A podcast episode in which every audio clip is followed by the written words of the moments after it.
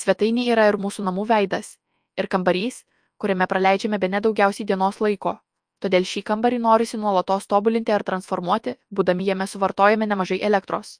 Interjero dizainerė Eglė Rinkevičiai nepatarė, kaip taupant pinigus ir tausojant aplinką sukurti norimą kambario charakterį. Aktualu žinoti. Svetainės interjero charakterį verta kurti namų dekoro aksesuarais arba pasitelkus augalus. Naudoti aplinkai draugišką ir atsparę svetainės tekstilę. Vietoje vieno bendro stiprios šviesos šaltinio lubose naudoti zoninį apšvietimą. Nepamiršti reguliariai išjungti nenaudojamų prietaisų. Ramios sienos ir ryškios detalės. Pasak interjero dizainerės Erinkevičienės, pasirinkdami ryškės kambario sienų spalvas ir tekstūras labiausiai rizikuojame, kad šios mums greitai atsibos ar paprasčiausiai taps nebemadingos.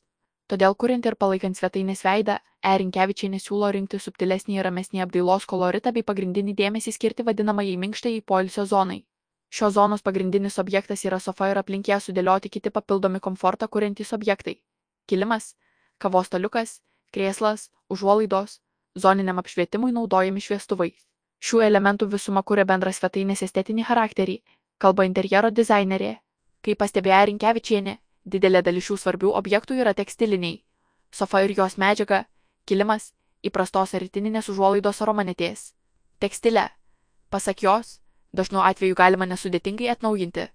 Keičiant tekstilės spalvų, faktūrų ir tekstūrų derinį, galima iš esmės pakeisti svetainės stilistiką. Vis dėlto parinkti audiniai turi ne tik dėrėti tarpusavyje, renkantis juos reiktų atsižvelgti ir į audinio dėvėjimo specifikacijas. Jie turi būti lengvai prižiūrimi, kokybiški, draugiški aplinkai. Kalba Erinkevičienė. Pasak jos, ilgamžiškumą, atsparumą ir lengvą priežiūrą gali užtikrinti sintetiniai, perdirbto plastiko audiniai. Šie, pasak Erinkevičienės, taip pat gali būti ir ekologiški. Norint rasti pusiausvyrą tarp atsparumo ir ekologijos vertėtų atkreipti dėmesį į audinio aprašymą. Aplinkai draugiški audiniai sertifikuojami įvairiais tarptautiniais standartais, pavyzdžiui GOTS, OKOTX 100, apie kuriuos daugiau informacijos rasite čia anglų ką. Siekiant išvengti perteklinio vartojimo, kuriant ar transformuojant svetainės erdvę reikėtų išlaikyti saiką renkantis dekoratyvinius elementus - paveikslus, indus, vazas, žvakides ir kitas dekoracijas. Apskritai, brangius, funkciškai nenaudingus aksesuarus, pasak interjero dizainerės, gali pakeisti kambariniai augalai. Jie ne tik papuoš kambarį, bet ir gerins oro kokybę jame, taupus energijos vartojimas. Erinkevičiai nepažymi, kad svetainėje, kur kartu su kitais šeimos nariais susibūrėme po dienos darbų, svarbi atpalaiduojanti, jauki šviesa. Šiltą šviesos toną užtikrins LED lemputės, kurių temperatūra matuojama kelvinais ir dažniausiai yra rėžyje nuo 2500 K iki 3500 K.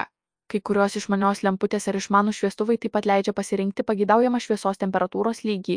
Tokia funkcija praverčia skirtingose veiklose, pavyzdžiui, skaitimui rekomenduojama šaltesnio tipo intensyvi šviesa 4000-4500 K, nes ji geriau apšviečia popieriaus lapus. Naudojantis planšete ar kompiuteriu, šiltesnis, mažesnio intensyvumo šviesos spektras 2500-3000 K, kuris mažina ekrano atspindžius.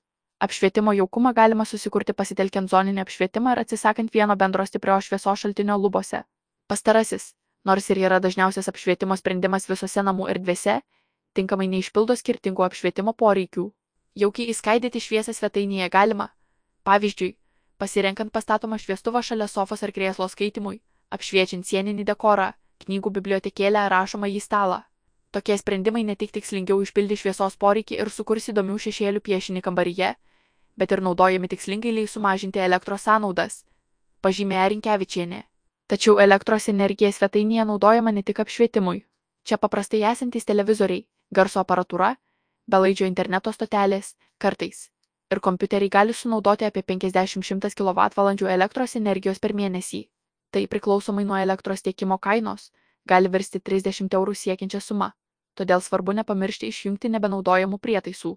Idealiu atveju nenaudojamus svetainės prietaisus verta išjungti ir iš tinklo, mat veikdami būdėjimo režimu jie taip pat naudoja energiją. Vis dėlto, jei šie prietaisai įjungti į sunkiai pasiekiamus lizdus ar tiesiog negebame išsiugdyti tokio įpročio, verta pagalvoti apie išmaniuosius kištukinius lizdus. Šie, nustačius laikmatį, gali numatytų laiku atjungti ir vėl įjungti prietaisų maitinimą.